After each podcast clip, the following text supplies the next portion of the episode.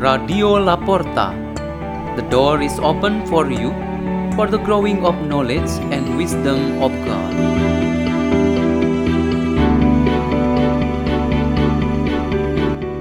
Delivered by Bellatrix and Anita Setiawan from St. Peter's School in Jakarta, Indonesia.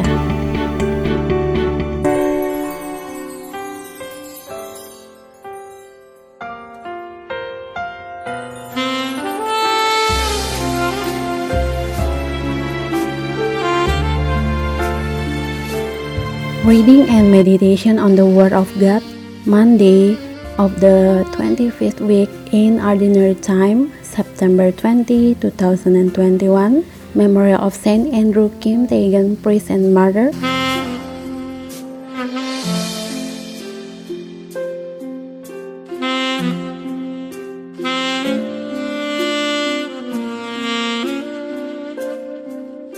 The reading is taken from the Holy Gospel according to Luke chapter 8, verses 16 until 18. Jesus said to the crowd, No one who lights a lamp conceals it with a vessel or sets it under a bed. Rather, he places it on a lampstand so that those who enter may see the light. For there is nothing hidden that will not become visible and nothing secret that will not be known and come to light. Take care, then, how you hear.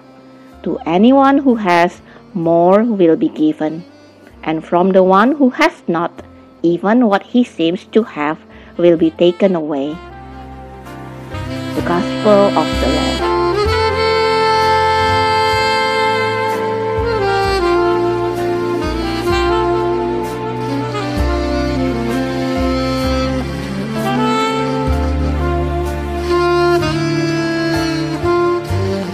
The theme for our meditation today is Light That Liberates.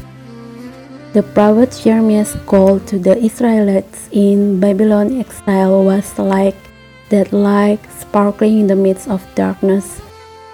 That light should be God Himself who changed the heart of the Persian king Cyrus to let the Israelites return to Jerusalem to rebuild the house of God. God Himself came to pick up His beloved people to return to their ancestral homeland. This light was truly liberating. Jesus also used the element of light as one of the keywords to describe the contents of the kingdom of God. People of all generations regard light as one of the best necessities in life. The Jews define light as the beauty, truth, and goodness of God. The Psalm says, In His light we see light, and His word is the light that guides our steps. God reveals Himself as the light, which is His own nature and existence. The light in the creation story distinguishes itself from the darkness. The beginning of John's Gospel states that God, who is the light who came into the world to free the world from the darkness of sin. Light is sorry the mean opponent of darkness and blindness, so that whoever receives the light may walk in truth and goodness. God's word is the light for our lives.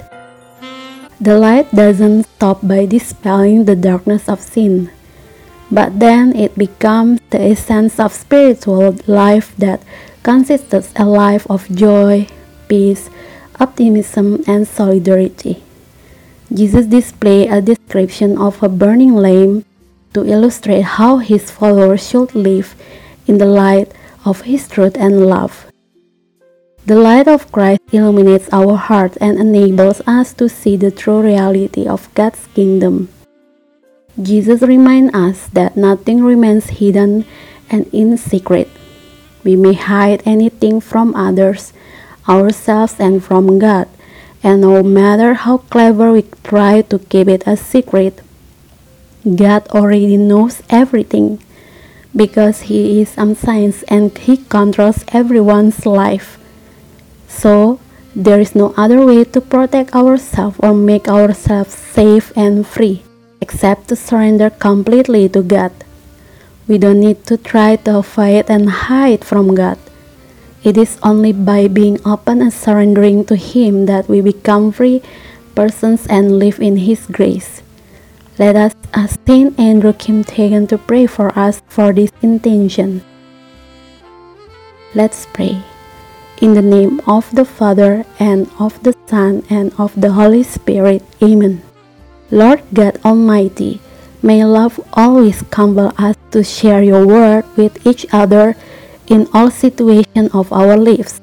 Bless us today with your protection. Hail Mary, full of grace, the Lord is with you. Blessed art thou among women, and blessed is the fruit of thy womb, Jesus. Holy Mary, Mother of God, for us sinners, now at the end of our death. Amen.